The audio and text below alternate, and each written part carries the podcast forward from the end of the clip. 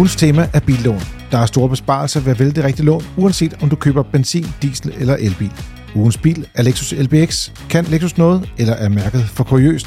Og så slutter vi af med jeres lytterspørgsmål. Velkommen til Frigær. Det er din podcast om biler og liv som bilist. Mit navn det er Carsten Mejler Nemke. Jeg er testkører her i FDM, og med mig i studiet har jeg i dag Yasser Abaiti, tekniker i FDM's rådgivning. Og Dennis Lange, chefkonsulent i vores økonomisk-politiske sekretariat. Og vi starter som altid med de korte nyheder. Der er tre af slagsen. Vi har fået lov til at vælge hver vores absolute yndlingsfavorithistorie fra ugen, der er gået. Og Dennis, hvad har du fundet øh, frem til på det ganske øh, danske FDM-internet? Min øh, korte nyhed er i øh, vidderligt for en gang skyld overhovedet ikke en kort nyhed. Det er faktisk verdens næstlængste øh, af sin slags. Nyhed. Så, øh, så, så derfor er det vel dårligt en kort nyhed. Nej, det er... Øh, øh, Færøerne har fået sig en ny tunnel. Faktisk verdens næstlængste undersøiske tunnel på øh, lige omkring 11 km, som går fra en ø til en anden. Jeg vil faktisk rigtig gerne undlade at fortælle, hvad det er for nogle øer, fordi mit færøske er ikke eksisterende. Øh, men øh, ja, en, øh, en meget, meget lang tunnel, der går under, øh, sådan noget, under havoverfladen, øh, ned under havet, som øh, forbinder nogle, nogle, øh, nogle steder deroppe i, øh, i Færøerne. Øh, endnu en tunnel oppe i Færøerne, kunne man måske fristes til at sige. De har ret mange. Hvis man skal være lidt øh, og tage den nemme løsning, ikke også? Mm. så kan man sige, at det kommer til at forbinde Torshavn med det, der på dansk kaldes Sandø. Hvis du siger det. Det står i hvert fald i, i artiklen. Jamen, Øh, det- så jeg det er tænker, også det må være rigtigt. korrekt. Jeg tør simpelthen ikke udtale de andre ord heller, Nej. øh, af frygt for at blive smidt ud af rigsfællesskabet. Ja, en enkelt øh, fun fact mere måske, øh, eller et par stykker måske. Øh, tunnelen på det dybeste sted er øh, øh 155 meter under havoverfladen. Øh, det er relativt langt nede. Der må være en vis øh, stigning i begge ender, tænker jeg også. Øh, og så har den kostet øh, 1,3 milliarder, og hvis man laver sådan en eller anden, øh, øh, øh jeg var lige vil sige kreativ udregning, og sammenholder færøernes befolkning med Danmarks befolkning, øh, så vil det svare til et byggeri i Danmark, der har kostet 130 milliarder, så cirka det samme som en fast Kattegat-forbindelse. Øh, så det er i konteksten et ret stort projekt, hvis man kan tillade sig at sige det sådan. Øhm, det koster 175 kroner i vej, hvis man havde tænkt sig at benytte tunnelen. Og ellers så tænker jeg måske bare, hvis man rigtig godt kunne tænke sig at se nogle billeder af, hvordan at, øh, der så ud nede i tunnelen, og øh, øh, hvad hedder sådan noget, øh, udmunding af tunnel og så videre, så gå ind på vores hjemmeside fdm.dk, hvor der er nogle øh, faktisk ret fine billeder af, af den nytilkommende. Jamen, de har jo også gjort det, at de er lidt lyskræger i form af alle mulige mærkelige kunststykker. Øh, stykker. der er 10 stykker i alt Det er undervejs, og det er der også lidt billeder af. Og så Også må det. man bare sige, at det er jo simpelthen utroligt flot, ikke? Altså, øh, af færøerne. Har aldrig været der. Det er heller ikke. En eller anden dag, så må vi tage det op, simpelthen bare for at se de her tunneller. Nu vi har talt om den, tænker jeg. Jeg har en øh, forbrugerhistorie med i dag. Det er vores kollega Anders Vendt, som, øh, som har skrevet en øh, historie omkring øh, et øh, medlem, som havde en... Øh, som prøvede at spare nogle penge på at, at, at købe et, øh, et anhængertræk, øh, og det endte med, at øh, det blev øh, dyrere end oprindeligt. Det er desværre noget, vi ser en gang imellem i øh, FDM's rådgivning, at man øh, får et godt tilbud, som måske også er for godt, øh, og så ender det med, at, at det bliver for dyrt øh, i sidste ende. I det konkrete tilfælde her, der er der tale om et anhængertræk, som, øh, som på et Skoda-værksted koster 18.000 kroner, og det, det vil han ikke betale, det er for mange penge. Så øh, får han et tilbud på øh, et alternativt træk til 7.000 kroner, og øh, når det her træk det så bliver monteret, så, øh, så fungerer det faktisk også udmærket, øh, lige indtil at bilen den skal softwareopdateres, og så går der ged i det. Øhm, og det sker altså nogle gange, hvor at øh, vores medlem kommer på værksted, og så øh, bliver trækket så opdateret igen, og så fungerer det fint igen, og så kommer bilen på værksted og får en ny softwareopdatering, og så går der ged i den igen, og det, øh, det er noget, som, som vi kender i teknisk afdeling. Det sker primært fordi, at når man producerer en bil på en fabrik, så konfigurerer man softwaren til den enkelte bil. Og så siger man, jamen den her, øh, i det her tilfælde er det en Skoda Enyaq, den er produceret til det her givende marked, det vil sige, at den er konfigureret på en specifik måde. Den har udstyr XQZ, Lige VX, præcis. et eller andet. Og der er en masse koder, øh, og det er en, øh, sådan, at, at når bilen den bliver født på, på, øh, på, det her, øh, på den her fabrik, jamen så, så ved fabrikken, det er alle de her koder, som bilen er født med. Det vil sige, hver gang vi laver en softwareopdatering til den her bil, så er det en opdatering, der passer til de her koder. Hvis man så eftermonterer et stykke udstyr, så kan man sige, så skal der lige en kode mere til. Mm. Øhm, den her kode, det kan være øh, alene software, men det kan også godt være, at der er noget mere Og altså nogle kabler eller noget det kan andet, være noget, noget hardware, øh, det kan være en større køler, mm. det kan være øh, øh, øh, andre ting. Og det, som der så sker, det er, at når den her bil, den så øh, under gåseøjne uautoriseret får en ny øh, komponent som et anhængertræk, og det er jo ikke stålet, der er problemet. Det er jo ikke, den, mm. det, er ikke det, der bliver skruet på bilen, der er problemet. Det er softwaren, der er problemet. Så hver gang, at fabrikken de siger, nu er der kommet en ny softwareopdatering, vi har lavet nogle forbedringer, så siger øh, fabrikken, jamen den her bil er født med den og den konfiguration. Det vil sige uden anhængertræk. Og så er det, at problemerne de opstår, fordi så virker trækket ikke efter hensigten. Ja, så nu er det her tilfælde, en, der er det en elbil, Ja. man er fat på. Og jeg har set faktisk, at nogle steder, så siger de, at den her bil, den er forudkonfigureret til at have et træk. Mm. Og det vil sige, der har de så lagt softwaren ind, eller gjort nogle ting klar, sådan at man godt kan eftermontere træk på bilen, ikke også? Ja, det, det er så ikke software. Det, det er så, at den er forkonfigureret. Det vil sige, at, at, at man har formentlig trukket et ledningsnet, og mm. man har, øh, øh, hvad kan man sige, køleren er for eksempel dimensioneret til det, og så videre. Så bilen er klar til, at man på et eksempelvis mærkeværksted sætter et træk på, sætter et ekstra modul i bilen, øh, det der hedder trailermodul typisk, og så programmerer man bilen i øh, samarbejde med fabrikken og siger, nu er det her stelnummer, nu har det fået den og den komponent. Det vil sige fremadrettet, når I sender en opdatering ud, så har vi også den her komponent, som I skal tage hensyn til. Og det vil sige, øh, hvis bilen skal køle noget ekstra på, på, på batteripakke og så videre, det kan være, at øh, de her assistenssystemer, jamen de skal tage hensyn til det. Det kan være parkeringssensorerne eksempelvis. Når vi sætter trækket på, så slår vi parkeringssensorerne fra, så de ikke hyler hele vejen, øh, når, når man kører. Og alle de her ting, det er jo fordi, at man ligesom har en, en, en masse ting, der skal tale sammen på det, man kalder bussen, altså det her øh, netværk øh, af, af en masse små computere på bilen.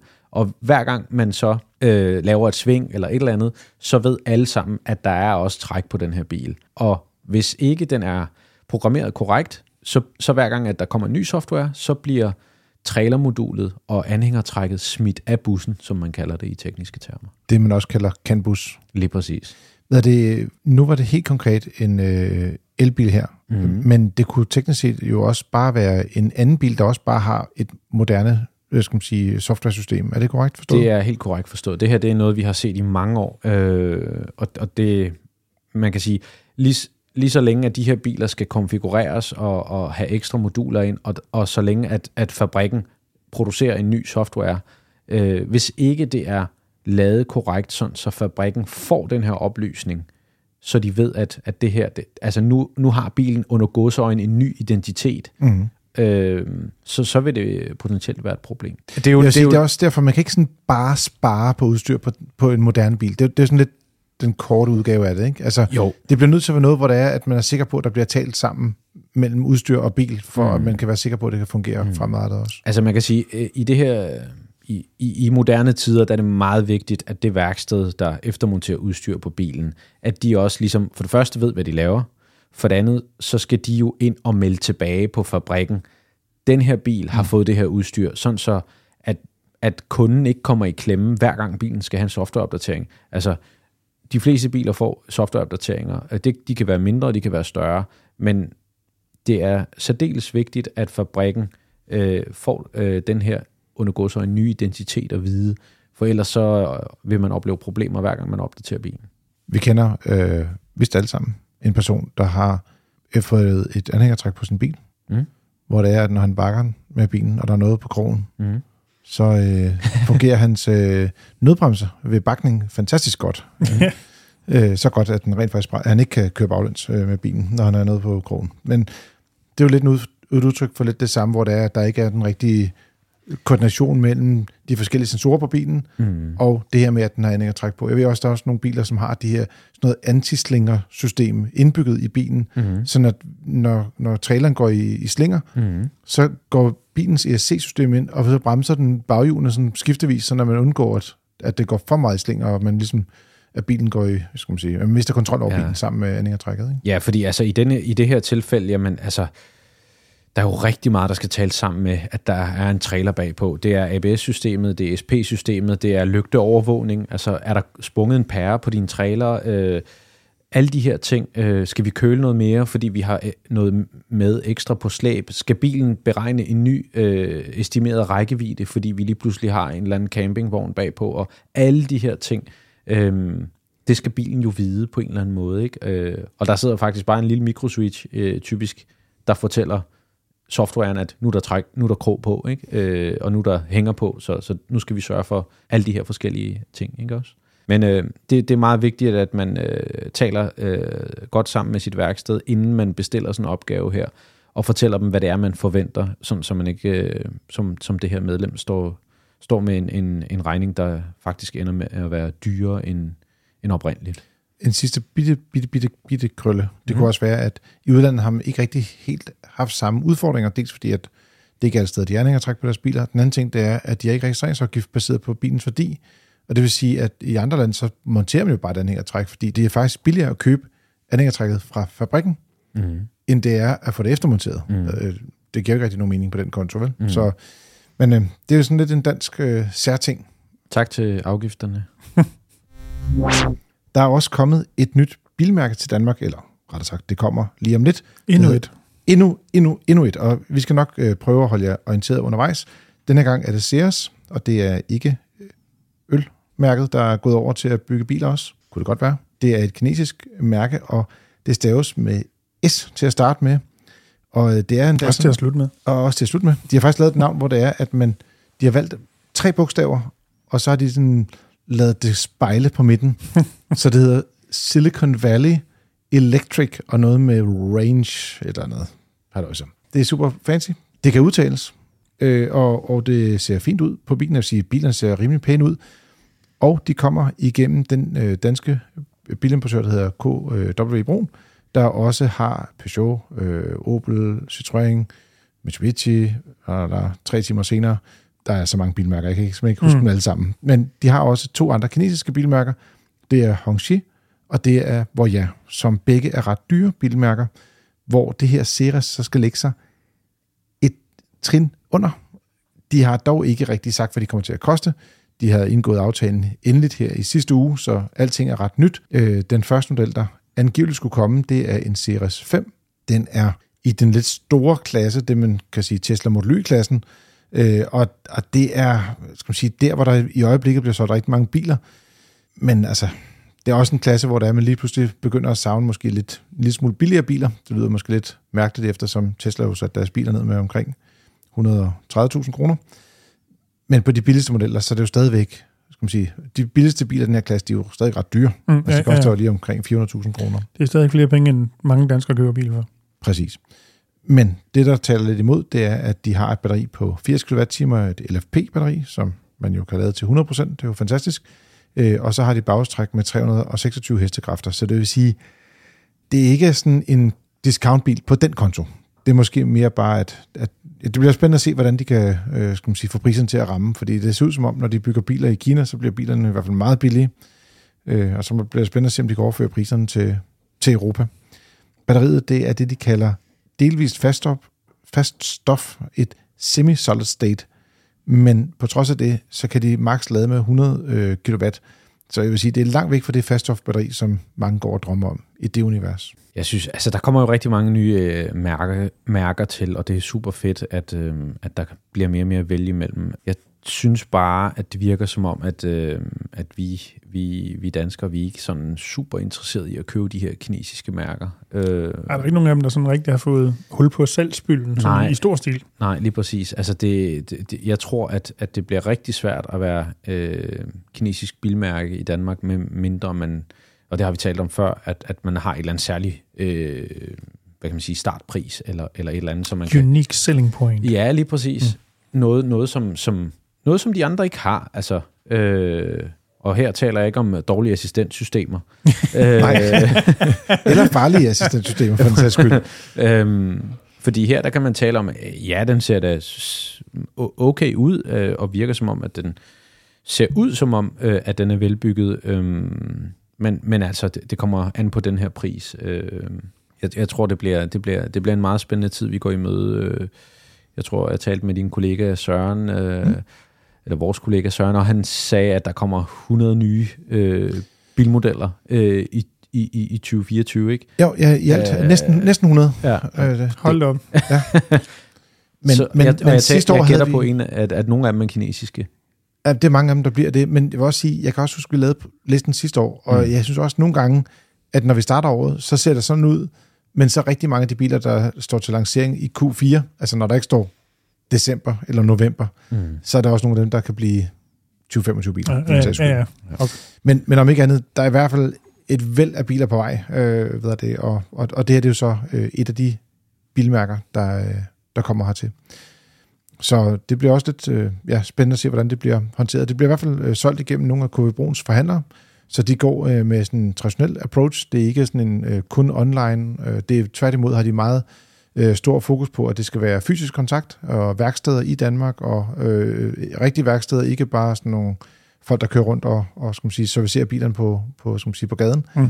Så de tiltaler lidt mere den traditionelle kunde, og så kører de selvfølgelig med lidt, lidt længere garantier. Det har de kinesiske mærker typisk. Men Men så også på mange måder, i hvert fald nogle af de, så lad os bare kalde det kvaliteter, som andre af de mere traditionelle mærker ved KV Brun også har mm. haft kunder til hidtil, hvis man kan sige det sådan. Ja. Gav det Men mening, det jeg prøvede det- på at sige? det, det, jeg kan godt de se, at den at passer ind i det, de de kan. kunder, at KV Brun måske i forvejen har i en eller anden udstrækning. præcis. Ja. Ja. Eller at deres værksteder også gerne vil Ja, ja, ja. servicere de her kinesiske biler også. Det kunne man også godt forestille sig. Øh, men, altså MG har jo sådan solgt nogenlunde med biler, uden at være sådan helt balstyrisk. Mm. Mm. Poster har der solgt oh, ret pænt, dog Ja, ja, ja. ikke så godt i år. Og det er jo altid den her diskussion, og øh, jeg Og- synes, og nu det er, det men, næste om, om det er en kinesisk bil. Altså, det, Yes. yes. det er det, men det er det ikke nødvendigvis altid i folks bevidsthed. Nej, og det sidste, det er så Volvo, ikke? Mm. som jo Ja. også er kinesisk ejet Ja, ja. 100%, og, men som bliver produceret, i hvert fald den nye EX30 til at starte med, også i Kina. Den bliver lidt mere en kinesisk bil også, øh, end andre, men altså, det er jo svært at se bort fra, at der også er kinesiske dele i alle mulige andre biler. Så Ja, det er jo sådan lidt, Præcis. Mm. det er en spøjs diskussion. Mm. Men om ikke andet, øh, Sears er på vej. De starter med femeren. Muligvis kommer der en lidt mindre træer. Den er i hvert fald på andre markeder, eller på vej på andre markeder. Øh, den er ikke lige så, skal man sige, Den ser mindre dynamisk ud, kan man Ja. det Det var, det var den pæneste måde, jeg kan sige det på. Mindre vindglat designet, kan Ja, man sige. ja. Jo, jo. Så, men bevares, øh, design er jo en smagssag. Og øh, jeg vil sige, deres øh, mere sådan, større modeller, den måde, de ligesom går, den retning, de går i, øh, det, ser ud som den der 3 er en lidt ældre model, hvorimod 5'eren mm. er en nyere generation, og det har også en, en konceptbil på vej også. Det ser, det ser mere sådan, øh, smart ud, og, hvad skal man sige, i forhold til den der 3'er i hvert fald. Ikke? Så det øh, bliver spændende at se, hvad der sker med Sears her i løbet af 2024.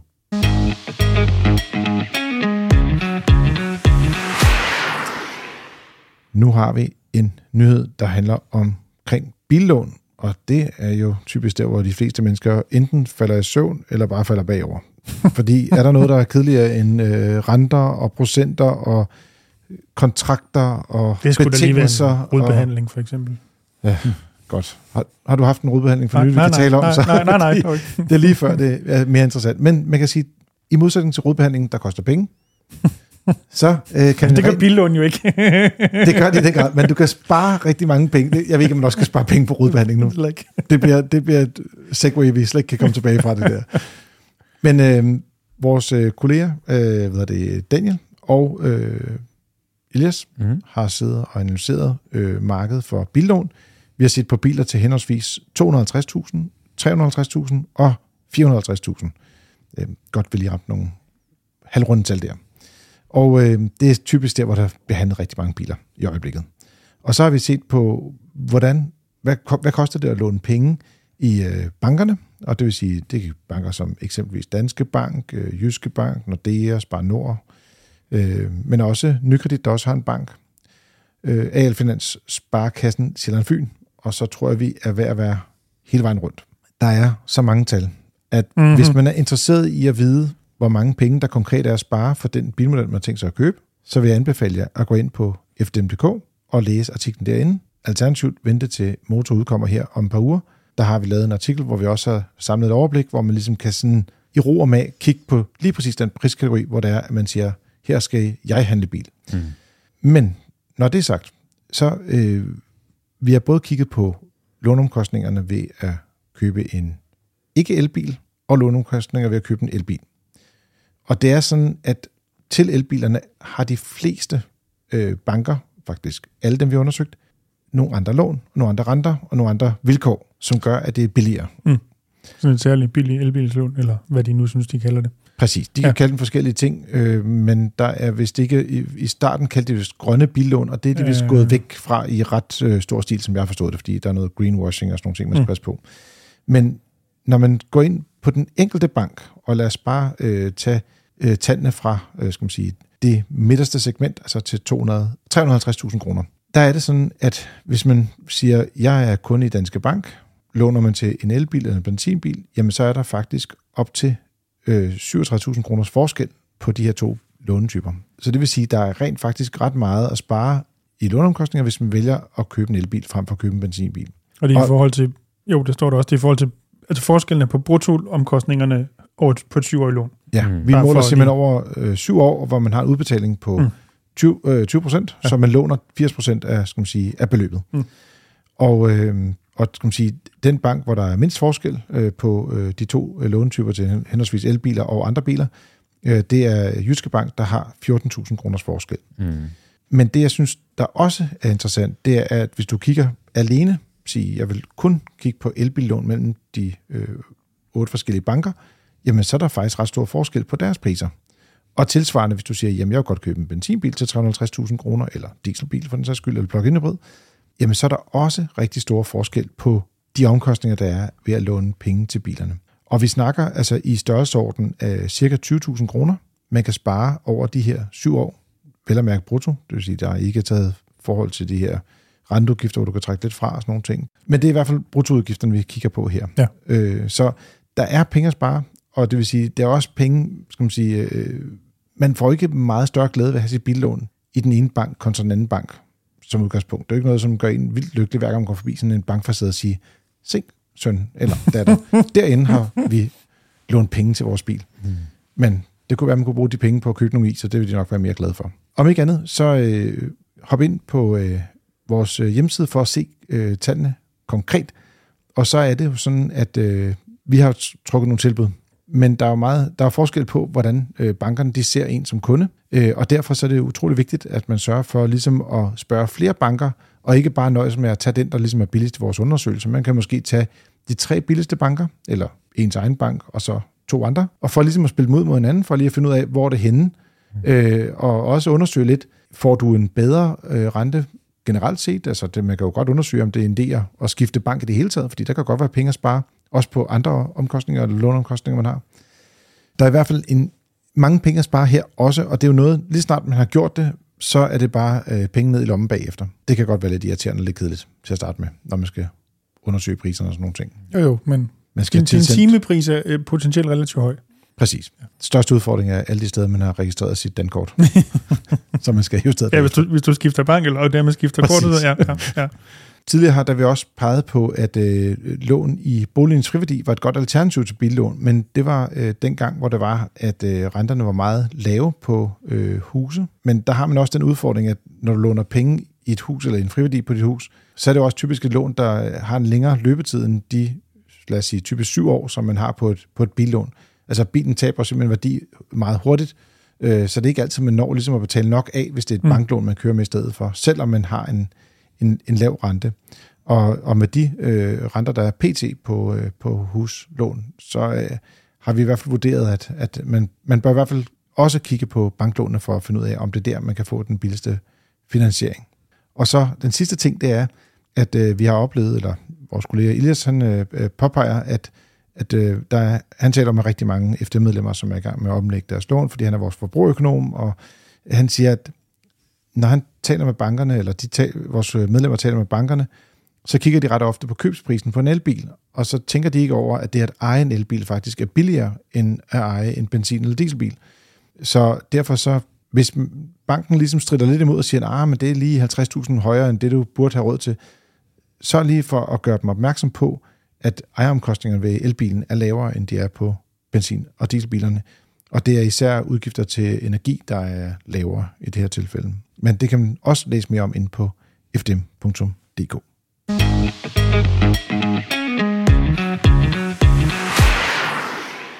Denne uges bil hedder Lexus LBX. det skjuler lidt en crossover i B-segmentet, som kommer fra Lexus. Er vi simpelthen ude i Lexus B-segments crossover, deraf for LBX? Jeg går ud fra det. det er, Lad os sige det. Om ikke andet, så er det det, man kalder øh, mini-SUV'erne. Mm. Den her bil findes også hos Toyota, som jo er et mærke i samme konglomerat, som Lexus også er. Modermærket. Modermærket. og deres bil hedder Yaris Cross, og er også ret populær herhjemme. Lexus, de har priser fra 350.000 kroner.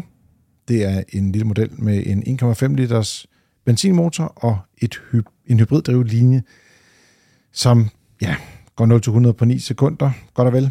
Og øh, den har 136 hestekræfter, og så må den faktisk trække 750 kilo. Det er ikke altid hybridbiler har kunnet trække så meget. Så lidt er der trods alt at hente i det, der må være den billigste Lexus på markedet lige pt. Det er, vel- er det ikke både... Er det, det kan selvfølgelig godt have været lavere priser, hvis vi går langt nok tilbage, men hvis vi lige kigger på beløbet, så øh, ikke sådan stift på beløbet, så er det både den mindste og den forholdsmæssigt billigste Lexus nogensinde, tror jeg. Jamen, Det tror jeg også, hvis du Ja. tager øh, i forhold til, øh, hvad pengene værd i, Ja, i dag præcis, og for 20 år præcis, siden. Ja. Det, det tror jeg også. Ja. Altså, det, det er øh, i sandheden, øh, hvis man går og drømmer om at være Lexus-ejer, så, så må det her være den billigste måde, det nogensinde har kunne lade sig gøre. Mm. Jeg vil dog sige, at man får også nogle steder lidt fornemmelsen af at være Toyota-ejer, fordi når man kigger ind i bagagerummet for eksempel, så kan man godt se, der, altså, der, der er mange ting, der minder om noget fra øh, en øh, Toyota, og men, øh, skal man sige, området foran, altså sådan noget som ret og skærmbetjening og gearvælger og sådan nogle ting, der er det altså rendyrket Lexus luksus, hvis man skal kalde det sådan. Men jeg synes faktisk, at de i kabinen er gået, der er de faktisk gået lidt bagud. Nogle Lexus har et, et relativt sådan avantgarde-agtigt designsprog mm. i Mhm. kabinen. Det er det ikke så meget her. Det, det er meget safe. Der er ikke så mange udskejelser. Og det, det, det er ikke nødvendigvis en dårlig ting. Jeg konstaterer bare, at, det er ikke nødvendigvis en typisk Lexus-kabine. Nødvendigvis. Nej, jeg tror, sådan noget som gearvælgerne er ret meget Lexus, ikke? Men og rettet også for den sags skyld. Ja, jo, jo. Så Ja, nå, men igen, det var ikke en negativ ting. Det var bare for at konstatere, at det er i hvert fald ikke, det er ikke en sprudlende kabine. Det er en måske en lidt mere konservativ kabine. Og jeg tror også, det er sådan en bil, at man skal sige, nu har vi lige talt om bilen til 350.000 kroner, og, og det viser sig, der kan man så få øh, den billigste variant, kan man Mm. sige. Så øh, Du er jo ikke imponeret, Carsten. Sig det bare. nej, men jeg kunne godt tænke mig at høre lige, hvad I øh, sagde før øh, vi kommer derhen. Altså, jeg synes jo, det er som udgangspunkt relativt mange penge for en relativt lille bil, som, altså jo jo, det er en Lexus, men, men det er ikke sikker på, at dem, du møder på vejen, nødvendigvis ser den som, medmindre de tilfældigvis ser logoet. Mm. Øhm, jeg tror, det her bliver en nichebil, hvis jeg skal være helt ærlig. Mm. Ikke mindst prisen til betragtning. Mm. Ja, fordi man kan sige, Lexus har jo ligesom kommet tilbage til Danmark for øh, et års tid siden, eller det må næsten være to år siden, men det har Mm. godt nok trukket med at, og ligesom at reelt blive introduceret herhjemme, Mm. øh, og sidste år heller ikke solgt så øh, voldsomt mange biler. Jeg, jeg kan ikke rigtig sige, at den her kom til at rykke det helt store på den, men jeg vil dog sige en ting, det var, jeg var lige inde og tjekke, hvad koster en Toyota Yaris Cross, Mm. bare lige for at sige, okay, hvor ligger vi henad, sådan rent økonomisk, øh, og de starter faktisk for 300.000, så det vil sige, det er 50.000 kroner mere for at få en Lexus. Det vil det måske være værd for nogen. Er det et, man kan sige, fra at gå til, til et mainstream-mærke til et, hvad der hvad er et luk- luksusmærke, det er et relativt lille step. Lige præcis. Ja. Og, øh, men hvis du så tager topmodellen hos øh, Toyota, så har den også både sådan øh, noget, noget læderværksæde, den har klimalægger, adaptiv forlygter, head-up display og sådan nogle ting. Øh, og det...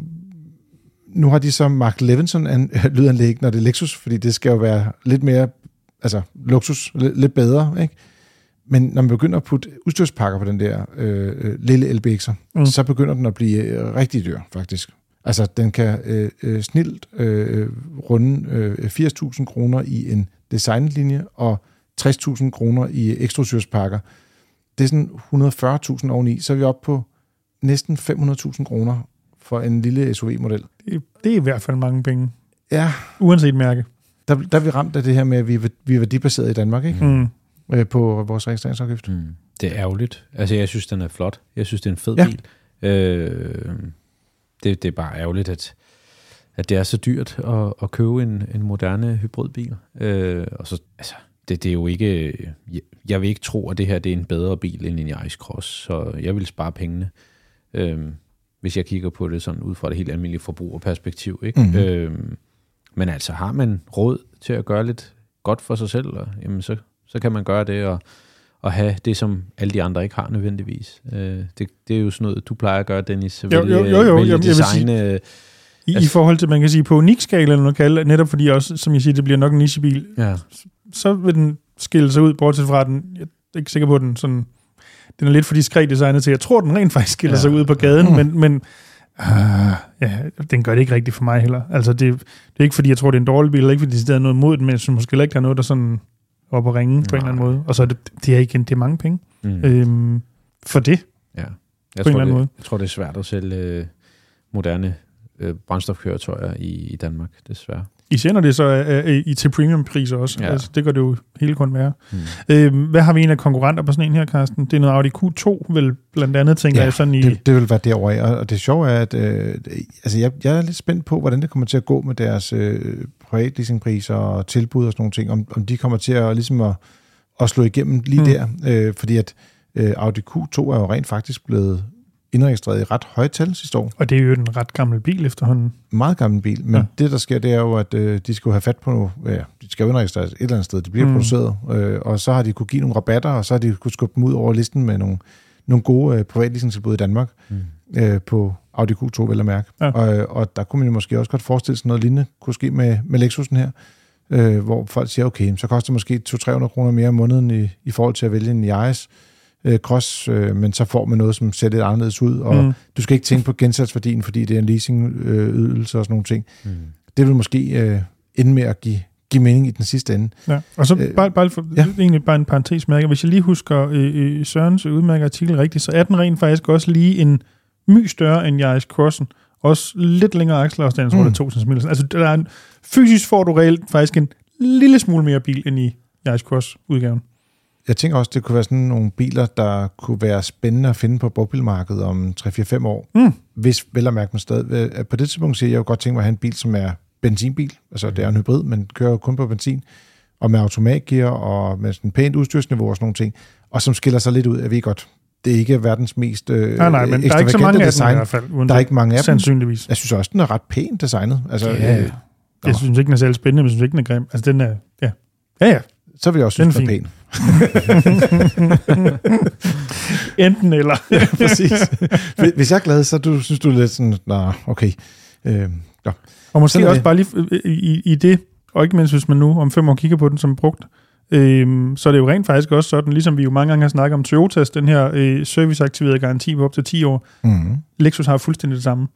Så potentielt er der 10 års garanti på den. Øhm, Ja, det er klart plus. øh, enig.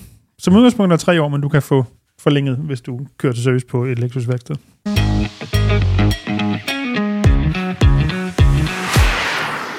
Nu er det tid til jeres lytterspørgsmål. Har du et, kan du sende det ind til podcast.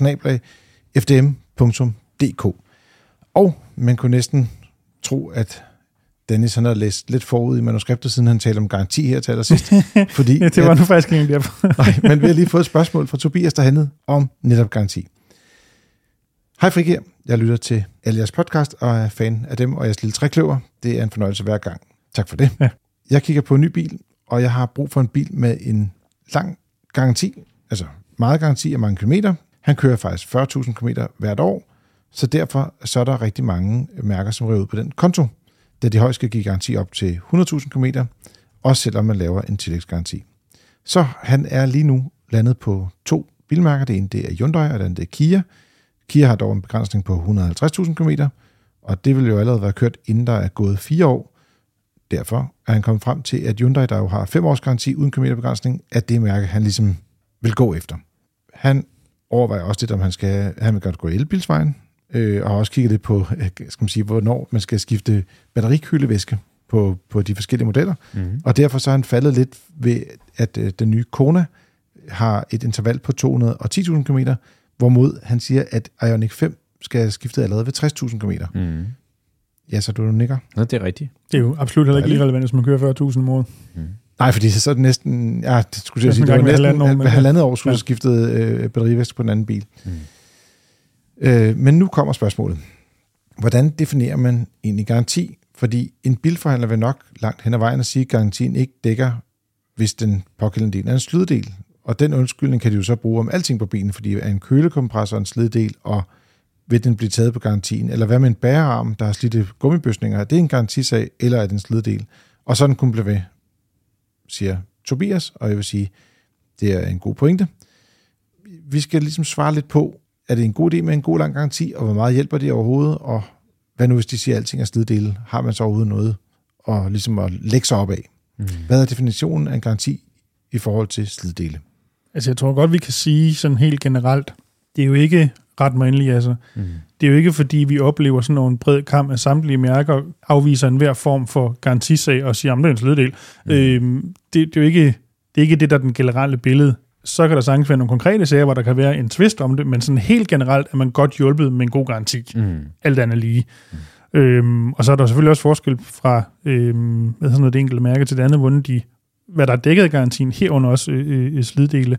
Øh, vi lavede jo, var det ikke tidligere i år, tror jeg nok, en øh, gennemgang af øh, øh, garantien på de forskellige mærker, det kan også godt lidt længere siden. Øh, men der kan jeg i hvert fald huske, at en af pointerne var, at nogle mærker specifikt dækker sliddele, andre mærker specifikt dækker ikke sliddele mm. i deres garanti. Så, så der er lidt, øh, lidt, lidt variation der. Øh, men ellers kan man sige, der er jo også utrolig meget forskel på, om, om sliddelen som sådan er dækket, herunder også fejl på sliddelen, eller om det er slidet, der ikke er dækket. Mm.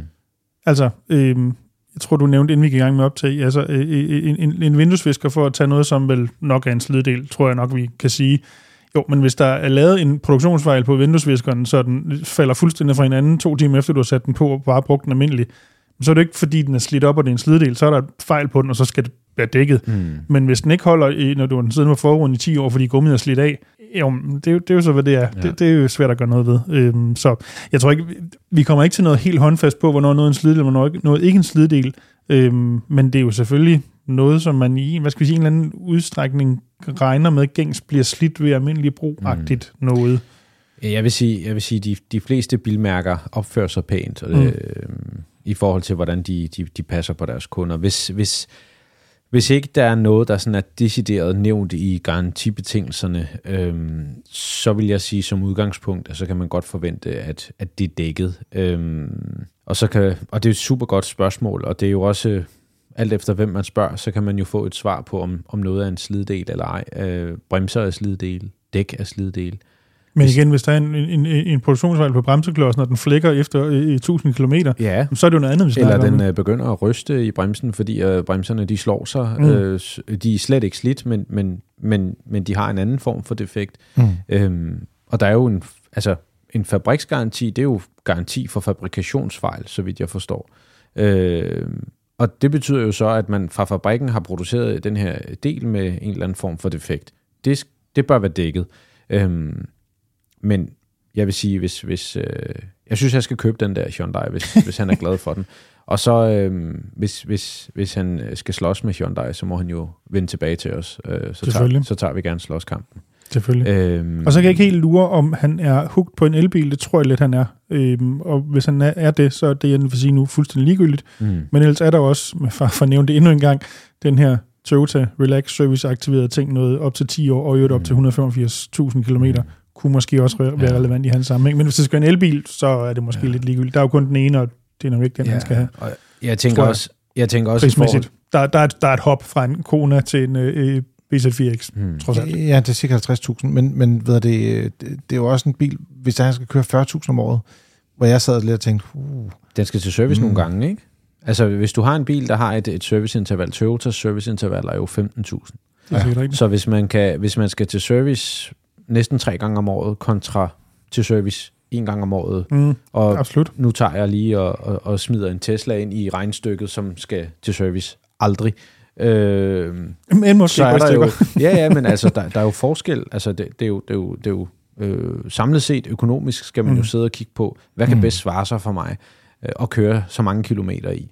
Øhm, de, de har dog kun 80.000 km øh, garanti på, hvilket er vigtigt for Tobias i hans bilvalg Lige åbenbart. Præcis. Så det vil være to års garanti konkret, ikke? Ja, men man kan sige, at han skal jo ind og kigge i betingelserne, ikke? Fordi kigger vi også på Hyundai, så er der jo to års garanti på et batteri, tre års garanti på øh, infotainment-systemet. Mm. Så det er jo mhm. ikke alt, der er fem års garanti på.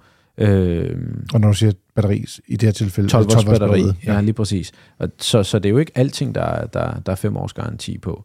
Øhm, og det er rigtig godt at, at læse de her ting, inden man, man køber bilen, fordi så bliver man mindre skuffet, hvis noget ikke er dækket. Hvordan, øh, det, er sådan, det spørger han overhovedet ikke om. Hvis man kører 40.000 om året, Mm. er Konaen så den rigtige bil, og her er det mest opladede hastigheden, jeg tænker på. Altså, den, den er ikke så super slem. Det, Hvad er det, den er det op til 100 eller sådan noget? Ja, den, det siger op til 100, og jeg mener, den bliver bare lige på hukommelsen, at det var 92 eller 94 kW, vi havde snit over både et kvarter og en halv time. Mm. Og øh, fordi den er ret effektiv, den kører ret langt per kilowatt-time, selvom den er lidt en høj SUV, Mm. øh, så, så har den faktisk øh, fået den ret mange kilometer på per kvarter, man står og lader. Mm. Øh, men det er klart, hvis man rigtig meget lynlader, så er der jo andre biler, som klarer sig lidt bedre. Mm. Men det er ikke, altså hvis du måler over en halv time, så er der ikke væsens forskel på dem, vil jeg sige.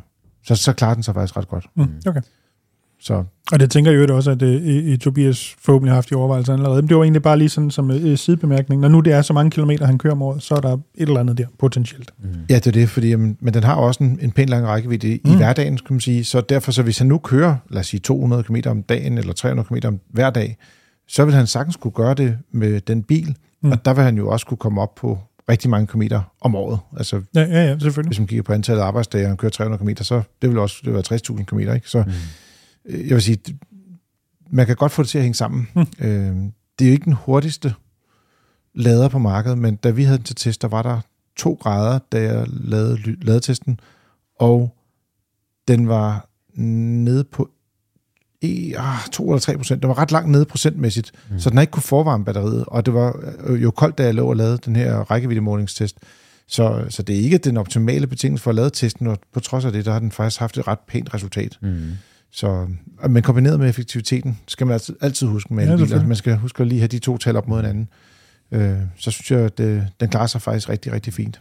Apropos øh, effektivitet, har, du, har I hørt noget om, at der er nogle mennesker i elbiler, der har frosset i, på, på mo- motorvejene? Det var lige en joker lige at smide ind for højre der. Var det ikke øh, 400 biler, der holdt stille ude i snedriverne, Jo. og skulle hentes alle sammen med helikopter, tror jeg Ja, nok? ja. Læs mere på internettet. Ja. Nej, hvad hedder det? Øh, jo, det kunne vi jo godt. Skal vi bare tage den kort? Altså. Ja.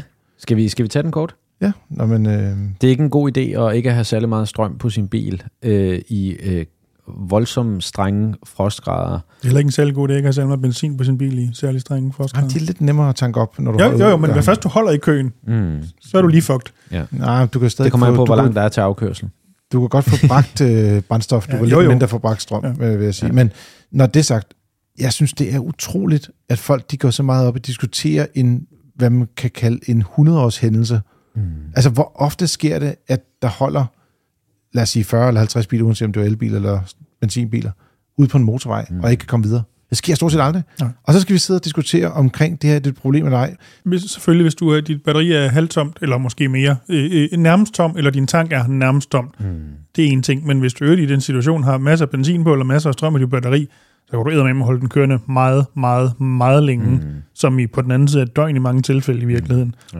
Og hvis det skal være, en elbil har vel noget bedre af, eller rettere sagt til overhovedet ikke skade, at jeg skal stå og bare kabinvarme i mange timer, end en benzin- eller dieselbil, der skal stå i kold tomgang i mange timer. Mm. Altså, jeg tror, jeg tror hverken... Det, altså, begge biler er jo bør kunne holde til det, så Mm, frem jo, mm, jo, de jo, jo, jo. mekaniske Ja, og tekniske er i orden. Mm. Jeg, vil- jeg vil bare sige, at øhm, skru ned for varmebehovet. Det kan være, at man skal tænde, for noget sædevarme og så videre. Det kan være, at det hjælper. Øhm, men men jeg, jeg tror ikke, problemet er, er større end, end... Altså, det her er en, en, en meget, meget særlig situation, som folk Mm. har stået i. Øhm, det, er ikke, det er jo ikke nø- nødvendigvis sådan, at vi ser det her igen, altså inden for de næste 10 år, men, men problemet er ikke større. Men jo, elbiler og varmebehov øh, om vinteren, det er noget, man skal tænke over, men for de fleste mennesker, så er det altså ikke et problem. På et tidspunkt, der øh, skulle jeg prøve at finde ud af, hvor meget strøm øh, bilen brugte om vinteren kontra om sommeren. Mm. Øh, og så tænkte jeg lidt, okay, jeg, jeg laver lige nogle ekstra sådan lidt målinger, bare, altså, bare for at prøve at lære lidt om det. Så jeg gjorde det, at jeg gik ud til bilen og startede den op, og så kiggede jeg på, hvad er øh, strømforbruget i, øh, det er sådan, når du holder stille i nogle biler, i det her tilfælde var det en øh, Folkevogn ID3, Mm. øh, så kan du se strømforbruget per time, Mm. Øh, men jeg kørte ikke. Altså, jeg, mm. jeg tændte bare bilen og bad den om at varme kabinen op fra, altså fra 0 grader op til 21. Mm. Og i den periode, hvor det var, at den skulle varme op, der brugte den, hvad der svarer til cirka 8 kW Altså, øh, det vil sige, på en time vil det være 8 kWh, men du kan ikke, altså efter en time, der er den, den er varm efter et kvarter eller 10 minutter, ikke? Mm. Så, så lang tid bruger man det alligevel ikke. Så men, men så når man så havde fået varme i kabinen, mm. og man bare, så, så kørte jeg ud, så holdt jeg stille, så nu, nu, nu var temperaturen rigtig, og så sad jeg der og ventede, og så sad jeg og ventede på, at den stabiliserede sig, og kiggede på, at okay, hvad ligger forbruget så på? Mm. Og der lå den lige omkring 2 øh, 2 kW. Øh, så det er jo det, man siger, at den, den vil kunne bruge cirka 2 kWh på at holde 21 grader, og det var øh, med sædevarme også, fordi det var jo koldt. Mm. Øh, og det svarer jo også meget godt. Der har været det er der ja, gode grunde. Samme årsag, i de her dage kom en del øh, undersøgelser af folk, der tester hjerte, hjerte frem. Mm. Og generelt er billedet, jamen, afhængig af bil og så videre, 1-2 kWh i timen på at holde kabinen varm. Og den bil var med, sidder og tænker på, var den med varmepumpe i det træ? Det... Man kan sige, når, når det er så strenge frostgrader... Øh, ja, hvis vi ved, de er minus hvad er 10 for at sige et eller andet. Ja. ja. Hvis ja. det er minus 10 grader, så er varmepumpen ikke super effektiv. Det skal man lige huske. Mm. Øh, mm. Man kan sige, at en varmepumpe skal, skal hente varme et eller andet sted fra. Øh, og det kan være drivlinjen, og det kan være udetemperaturen. Der skal, være, der skal gerne være en forskel. Jo større forskellen er, jo bedre arbejder varmepumpen. Øhm, og, og det er, hvad kan man sige, en, en, en, en særlig situation. Men, men det er rigtigt, at vores øh, kollegaer nede i ADAC, de har lavet en undersøgelse, der viser øh, omkring 1,5 til 2,5 kWh fra øh, minus 10 grader til plus 20 grader øh, at holde den temperatur. Det er sådan cirka det, det koster. Mm. Øh, måske så derefter kun 1 kW øh, effekt per time for at opretholde den her temperatur lad være med at køre ud med afladet batteri, hvis du ved, at der er en stor potentiel risiko for, at du havner i 24 timers kø. hvis hvilket, der, hvilket der aldrig er stor potentiel risiko for. ja. Hvis der kommer kæmpe stormvejr, husk lige at lade op, før du kører ud. Ja. Og måske, hvis vi virkelig er i den situation, måske lade med at køre. Det kunne være en rigtig god idé. Eller, jeg vil også sige, hvis nu man fik at vide, du skal holde her i 24 timer, så, så sad jeg og tænkte på, okay, altså på en time kan man gå, okay, snevejr, 3 km. Altså man kan komme ret langt væk, tænker jeg på, hvis det endelig var. Men tænkte, så må der være en gård i nærheden, hvis der var, at man fandt ud af, at det kommer til at sne de næste 10 timer. Så er der ikke nogen grund til at blive siddende i bilen. Man kan godt gå et andet sted hen, ikke? To ting. Et, ja, i den her konkrete situation, de, de vidste ikke noget, fordi vi fik ikke noget at vide grundlæggende. Nej. Eller i hvert fald ikke ret meget Nummer to, hvis alle efterlader deres biler, så får vi aldrig ud den vej. Nej, nu var det lige konkret på en motorvej, men jeg tænkte bare, at det kunne være et andet sted, man var ind. Det er måske på en landevej, du holdt ind til siden, eller øh, det kunne også være, at man var kørt af vejen, eller du ja, ja, jo, jo, jo, så jo. Sige, i stedet for at, at, at sidde derude og, og fryse ihjel, så kom der ind et sted, hvor der er, der er lidt varme. Hvis alternativet er at fryse ihjel, så enig, gør noget andet. Præcis. Men kan vi ikke snakke om det igen om 100 år cirka? ja, jo, lad os det. og så tager vi lige spørgsmål nummer to. Det er Claus, der skriver ind. Jeg lytter til jeres podcast. Tak for alle de gode emner, I tager op. Især er det højaktuelt med udviklingen af elbiler, og der har jeg et spørgsmål. Ja, det er teknisk set også hans dilemma. Han har en nu halvanden år gammel dieselbil. Det er en Skoda Octavia, som blev købt, da han indtil for et par måneder siden havde et kørselsbehov, som passede godt til diesel. Han kørte 40.000 km om året, og havde ofte daglige ture på mere end 400 km. Men nu har han skiftet arbejde, og har ikke længere behov for at køre så langt, og dermed giver diesel måske ikke helt så meget mening. Men spørgsmålet er så, 1. Skal jeg bide smerten i mig? Det er faktisk en ret stor værditabs losing i form af 130-150.000 kroner. Eller to, skal jeg vente et år eller to og se, hvordan elbilsmarkedet udvikler sig, både i forhold til udbud, teknik og ligeledes priser. Der er jo godt nok en faldende tendens lige i øjeblikket, skriver han. Hvordan tænker I, at markedet for nye brugte dieselbiler vil udvikle sig over de næste to år? Claus synes, at det er en svær beslutning. Skal han skifte nu, eller skal han vente? Der er nok flere sandheder, siger han, men jeg tænker, at der er mange, der sidder i samme overvejelser som mig, så han vil godt have vores bud på det. Så jeg tænker lidt, smid ud i rummet. Mm. Nogen, der griber den? Altså grundlæggende er der jo to forhold. Det er jo også lidt det, at, i, at Claus selv nævner. Det ene er, dieselbiler bliver næppe mere populære på brugmarkedet. Øhm, der har været en tendens, vi har set i nogle år, at det går kun en vej. Ikke fordi, at de er værdiløse i overmorgen overhovedet, men det går lige så stille den vej. Og elbilerne bliver nok også lige så stille billigere. Er det så nu, eller er det så ikke nu? Det ved jeg simpelthen ikke. Det tør jeg simpelthen ikke sige. Øhm, det er også en meget ny bil at, at skyde af. Hmm. Men ja. omvendt, hvis, altså, han har heller ikke kørselsforhold. Jeg ved det. Jeg har ikke... Et, lad mig høre, hvad I siger. Jamen, altså, jeg vil sige, det kommer helt an på... Øh, han siger, at han ikke har rigtig har øh, behovet for, for en dieselbil nu. Og det ved jeg ikke, hvor, hvor mange kilometer er det så, han så kører dagligt. Det er det ene. Øhm, nummer to, hvis jo flere kilometer han kører, jo mere peger pilen i mod, at han skal skifte nu. Fordi det kan godt være, at han taber 130.000 kroner lige nu og her, men han sparer potentielt også mange tusind kroner på brændstof. Øh, og vedligeholdelsesomkostninger osv. Mm. Så jo flere kilometer han kører, jo mere peger pilen hen imod, at han skal skifte nu og tage tabet nu.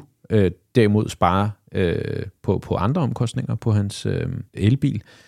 Øh, omvendt kan man sige, hvad er en øh, dieselbil værd om to år, og kan han så også spare eller få den bil, han godt kunne tænke sig. Nu kommer jeg bare med et eksempel. Det kan være en ID7'er er billig på, på, på brugtmarkedet om, øh, om to år. Øh, det kan sagtens være. Øh, den, den er svær, den her. Personligt, der vil jeg gå ind og, og lave en beregning. Øh, vi har jo den her øh, bilbudgetberegner inde på vores hjemmeside. Der kan man prøve at gå ind og, og, og, og lave en, en beregning og se, hvad kommer det til at koste om måneden, hvis jeg skulle købe en elbil nu, øh, øh, og så sammenligne med de omkostninger, han så vil have på den nuværende bil, han har. Og så kan det godt være, at det går lige op øh, på den lange bane. Øh, det er nok ikke en god forretning at købe en elbil, og så skifte den igen øh, for en, en kort overrække. Øhm, jeg tror, det er, der, der skal man lege lidt med nogle Excel-ark øh, og eksempelvis vores beregner for at kunne vurdere, om det giver mening. Fordi en dieselbil, der kører korte ture, det er ikke så godt. Øh, og brændstofpriser og, og altså efterspørgselen, folk står ikke i kø for at købe dieselbiler nu. Øh, det er elbilerne. Øh, og og jeg, jeg tror, jeg tror det, øh, det kommer meget ind på det her regnstykke. Øh, og hans kørselsbehov, som han ikke rigtig nævner. Andet end at han siger, at, at det nok ikke er et godt dieselbehov, han har. Nej, man kan sige, at hvor han før kørte øh, over, 40, over, 4, ja, men over 400 km ja. øh, på sådan en daglig tur, der kan man også sige det. Øh, hvis du har brug for det i elbilen, det har i hvert fald været svært om vinteren. Ikke? Øh, mm. Der er nærmest ingen biler, der kan klare den slags distancer. Øh, men øh, om igen, så kan man måske lige bruge lidt tid på at lade undervejs, hvis man skal køre så mange timer. Kunne man også have brug for en pause måske. Jeg, jeg, jeg tror også, jeg vil sige, hvis nu han kører så kort, at han rent faktisk gør skade på sin bil, mm. eller at bilen den ligesom soder til, og han kan risikere at få nogle reparationer, så vil jeg sige, så vil jeg skifte. Mm. Hvis ikke, at han kører så kort, og der kan du godt komme tilbage til det om tre sekunder, ja, så, så vil jeg nok beholde den lidt nu, fordi selvom dieselbilerne, de ikke ligesom bliver mere og mere eftertragtet i Danmark, tværtimod, der er mindre og mindre efterspørgsel på dem, så er markedet for biler også europæisk. Mm. Og der vil være en mulighed for at kunne sælge bilen til udlandet og få lidt afgift. Øh, man får så mindre afgift ud af bilen, hvis den har en dårlig værdi i Danmark. Men, men det vil stadig have noget værdi. Lad os nu sige, at bilen koster 400.000 fra ny af, og den taber 150.000. Så står den i 250.000 i dag, så har en værditab årligt i rundetal på omkring sådan noget 25.000. Mm. Det bliver svært at få i en ny elbil. Mm. Så selvom du sparer lidt på at køre på strøm frem for at køre på diesel, så ved vi også godt, at diesel den er, det er jo ikke det værste valg i forhold til brændstoføkonomi. Nej. Så jeg vil sige, ah, jeg, jeg vil nok tage et år eller to mere. Jeg synes, jeg synes det marked, hvor det er, at skal man sige, mellem 2 og 300.000 kroner, der kommer rigtig mange spændende elbiler den, det kommende stykke tid. Mm. Så øh, ja. det, er, det er også lidt et spørgsmål om temperament, ikke? Altså, øh, altså han siger, at han kører for 400, eller undskyld, 40.000 årligt, og det vil sige, på baggrund af de oplysninger, så har den måske kørt 60.000 i dag, den her bil, ikke? Så den, mm. så den er noget værd lige nu og her. Det kan godt være, at der er en, der står og, i samme situation, og han kan få nogle, måske lidt mere end de her 130.000. Øhm, det skal man prøve at, og, og se, om man måske kan, kan sælge den privat, måske få noget mere for bilen, og så skifte alligevel. Jeg men, synes, øh, der, der, der er mange øh, muligheder her, ikke også? Men det kan også stå lige under 100.000 km om to år. Altså bare for at sige det. Hvis mm. han kører 20.000 om året i rundtal, eller 18.000, som er gennemsnittet mm. for danskerne. Ikke? Jo. Så fordi der vil altid være en eller anden form for, øh, skal man sige, eventuelt feriekørsel, eller øh, weekendkørsel, som man ligger oven i, i hverdagskørselen. Så jeg vil sige, hvis han kører langt nok til hverdag, eller de fleste u- dage på ugen mm. i hvert fald, og det er øh, mindst 30 minutters kørsel øh, uden køkørsel og uden langsom kørsel. Er det mm. korrekt? Jo. Ja. Øh, I hver retning, vil jeg mærke. Mm. øh, så, så vil jeg holde fast i den. Mm. Og hvis ikke at man lever op til de her, skal man sige, øh, regler omkring, øh, skal man sige, øh, fornuftig opførsel med dieselbiler, mm. så, øh, så tag skiftet til elbilen i stedet for, og så øh, hoppe i den retning. Gør det stille og roligt. Lad være med panik og så øh, få et tilbud på bilen fra flere forhandlere. Mm. Eventuelt overveje at sælge den privat for at få lidt ekstra penge ud af det, fordi det er bare super hårdt at skulle sælge en bil efter så kort tid. Jeg sad faktisk lige og kiggede på, hvad vil gensalgsværdien være på, på min Kia Niro, bare mm. for at sige, der er lige kommet nogle nye kampagnemodeller, og tænker, mm. okay, hvor ligger det henad? Altså, den kommer også til at have et værditab, der ligger øh, i hvert fald 100.000 kroner, altså hvis ikke 120. Og det er jo stort set samme univers, han sidder med en dieselbil her. Ikke? Mm. Så det er jo ikke fordi, det kun er dieselbilerne, der bliver ramt hårdt på værditab. Det gør alle biler, der er meget nye. Så det, ja, det er det mest sårbare tidspunkt at, at sælge den. Altså, det være det værste tidspunkt for ham i hvert fald økonomisk set at sælge lige nu. Jeg tror, et år eller to mere, det vil øh, lige udglatte det lidt mere, øh, med et lidt lavt øh, værditab, stadigvæk lave hvad skal man sige, forsikringsudgifter, relativt lave ejerafgifter også på de her biler, hvis den har pænt brændstofforbrug selvfølgelig. Mm. Så lidt til højre, lidt til venstre. Han siger også, at der findes ikke én sandhed. Nej, der findes nej. mange. Jeg tror, men jeg vil sige, det, det er for mig at se i hvert fald, at det det her med, kører han langt nok til at rent faktisk mm. have en mm. dieselbil. Mm. Han kunne selvfølgelig også bare skifte job igen til et job, hvor han skal køre 400 km, 400 km om dagen. Så er problemet væk. Mm. Men det er ikke sikkert, han har lyst til. det var ikke et rigtigt bud. Nej. Men Claus, det var så det tredje løsning, du så fik fra Dennis der. Og hvis øh, du sidder derude, kære lytter, og har lyst til at få lige så gode tip til dit bilejerskab, så kan du skrive ind til podcast Det kan også være, at du går overvejer at vælge forskellige biler, eller du har nogle spørgsmål omkring noget teknik, eller noget jura, øh, så vil vi gerne hjælpe dig med det. Det var Frigir for denne gang. Lyt med igen i næste uge, hvor Dennis, Jas og jeg legner ugens nyheder, tema og bil op og svarer på jeres spørgsmål. Husk, at alle artikler ligger tilgængelige inde på fdm.dk, hvor du også kan tilmelde dig vores nyhedsbrev, hvor du får alt at vide omkring biler og livet som ballist. Tak fordi du lød med denne gang, og god tur derude.